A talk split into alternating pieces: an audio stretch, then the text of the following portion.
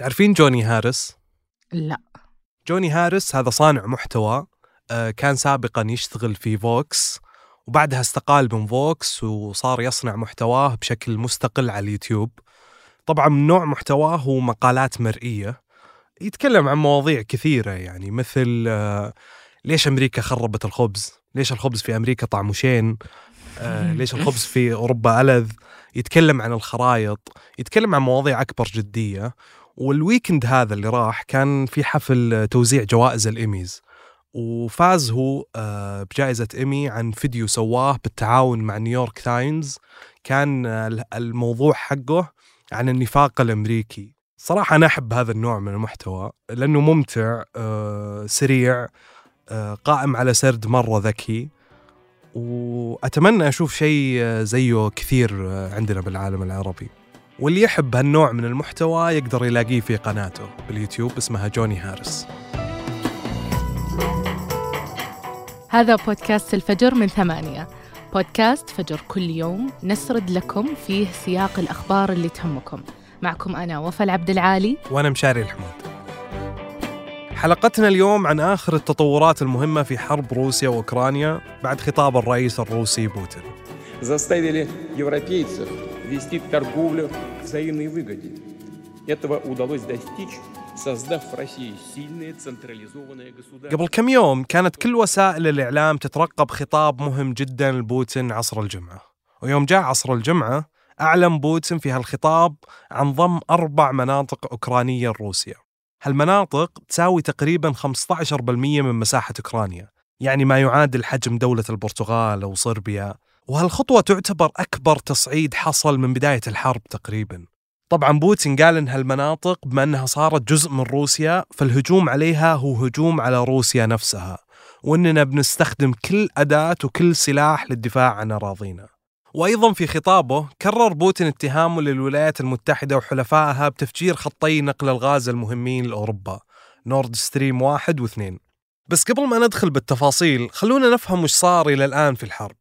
الأسابيع اللي راحت روسيا تعرضت لخسائر كبيرة في الحرب وخسارة أكثر من 6000 كيلو متر من الأراضي اللي سيطرت عليها شمال أوكرانيا.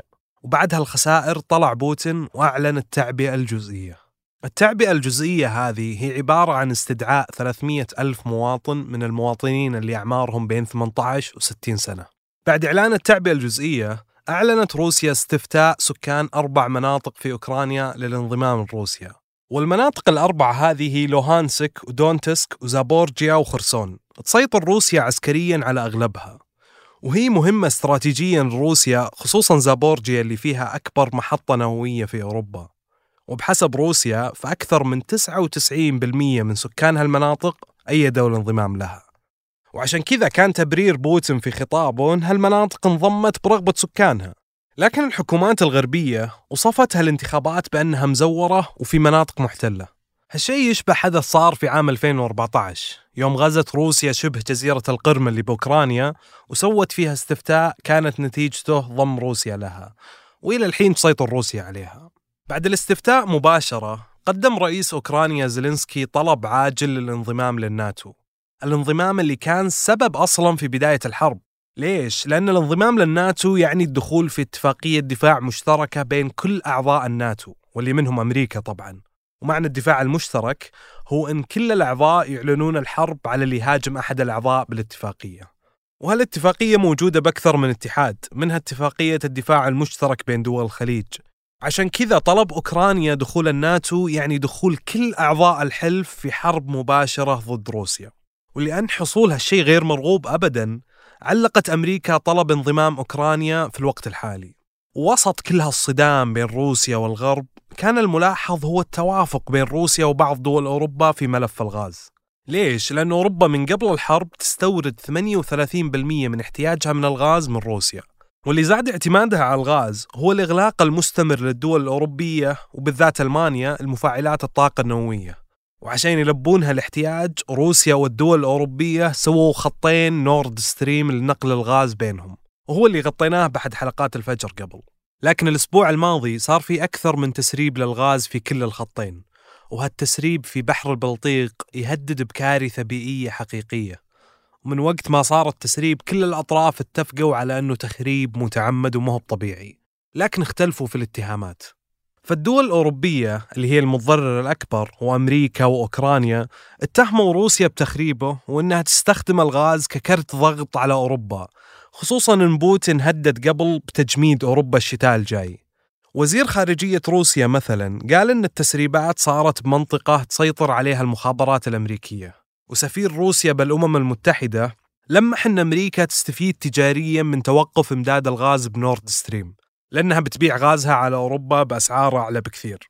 طيب هل هذا الشيء ممكن يأثر علينا؟ يعني الصراع الروسي الأوكراني يبعد عن الخليج آلاف الأميال لكن دول الخليج طلعت بفوائد من هالأزمة. أولها هو أن إيراداتها ارتفعت بفضل صعود أسعار النفط. وثانيا أن أوروبا صارت محتاجة لدول الخليج وفي مقدمتهم السعودية عشان يعوضون نقص امدادات الطاقة الروسية ويضغطون على موسكو. لكن السعودية ما انضمت للغرب في استهداف روسيا عشان ما تربك سوق النفط خصوصا أن روسيا ثاني أكبر مصدر للنفط في العالم. سياسة الحياد هذه سهلت على السعودية في أنها تساهم بالوساطة بين روسيا وأوكرانيا لإنهاء الحرب. وبعد ما نجحت الوساطة السعودية مؤخرا بإطلاق عشرة من أسرى الحرب صار ينظر للسعودية كطرف يمكن أنه يخفف التوتر بين الغرب وروسيا. لكن حتى لو استمر العداء بين روسيا والغرب فالسعودية ودول الخليج يمكن أنها تكون أطراف رابحة. كيف؟ يعني شفنا خلال أيام والأسابيع الماضية كيف أمريكا ودول أوروبية حاولت تتقارب أكثر من السعودية عشان تساعدها في تأمين احتياجاتها من الطاقة وخفض أسعار النفط. ومع ذلك في من يفضل أن دول الخليج ما تميل لأي طرف على حساب آخر وتبقى محايدة تجاه روسيا والغرب. خصوصا أنها صوتت في الأمم المتحدة على قرار يدين العدوان الروسي على أوكرانيا وفي نفس الوقت ابتعدت عن اتخاذ إجراءات تستهدف وجود روسيا كطرف في اتفاق أوبك بلس. طيب خلينا نرجع لخطاب بوتين اللي ألقاه يوم الجمعة. بوتين اتهم الغرب بمحاولة تفتيت روسيا وقال إنهم يتبنون الاستعمار الجديد للهيمنة على العالم وإسقاط الأنظمة. وإن الولايات المتحدة إلى الآن تحتل ألمانيا واليابان وكوريا الجنوبية وتتنصت على زعماء هذه البلدان. هالتصريحات مثلت جولة جديدة من الملاسنات العلنية بين بوتين وقادة الغرب وفي مقدمتهم جو بايدن اللي وصف بوتين قبل سنة بأنه قاتل طبعا هذه كلها تصريحات لكن الخوف أن هالتصريحات تتحول إلى تحركات عسكرية تقود إلى حرب عالمية أو نووية أطرافها روسيا والولايات المتحدة وزير الخارجية الأمريكي أنتوني بلينكن قال إن بلاده أرسلت تحذيرات سرية إلى موسكو لثنيها عن خيار الحرب النووية وحذرتها من عواقب كارثية.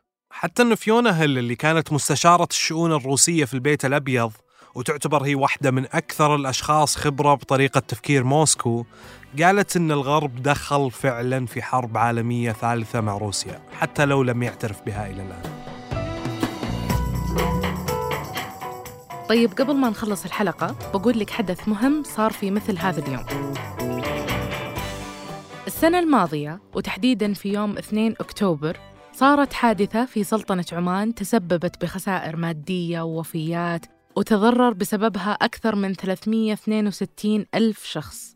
مساحات كبيرة من الأراضي والمحاصيل الزراعية تدمرت. وكل هذا كان بسبب إعصار شاهين.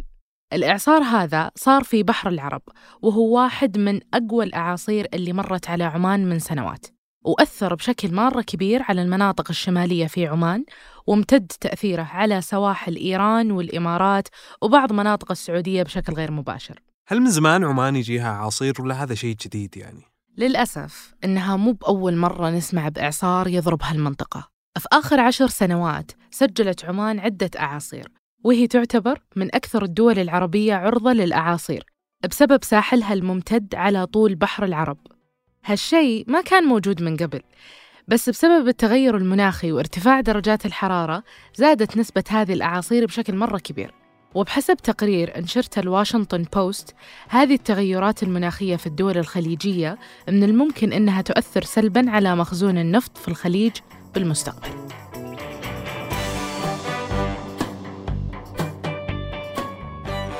أنتج هذه الحلقة عمر العمران وسحر سليمان وقدمتها أنا مشاري الحمود. ووفاء عبد العالي. حررها محمود أبو ندى. أشوفكم بكرة الفجر.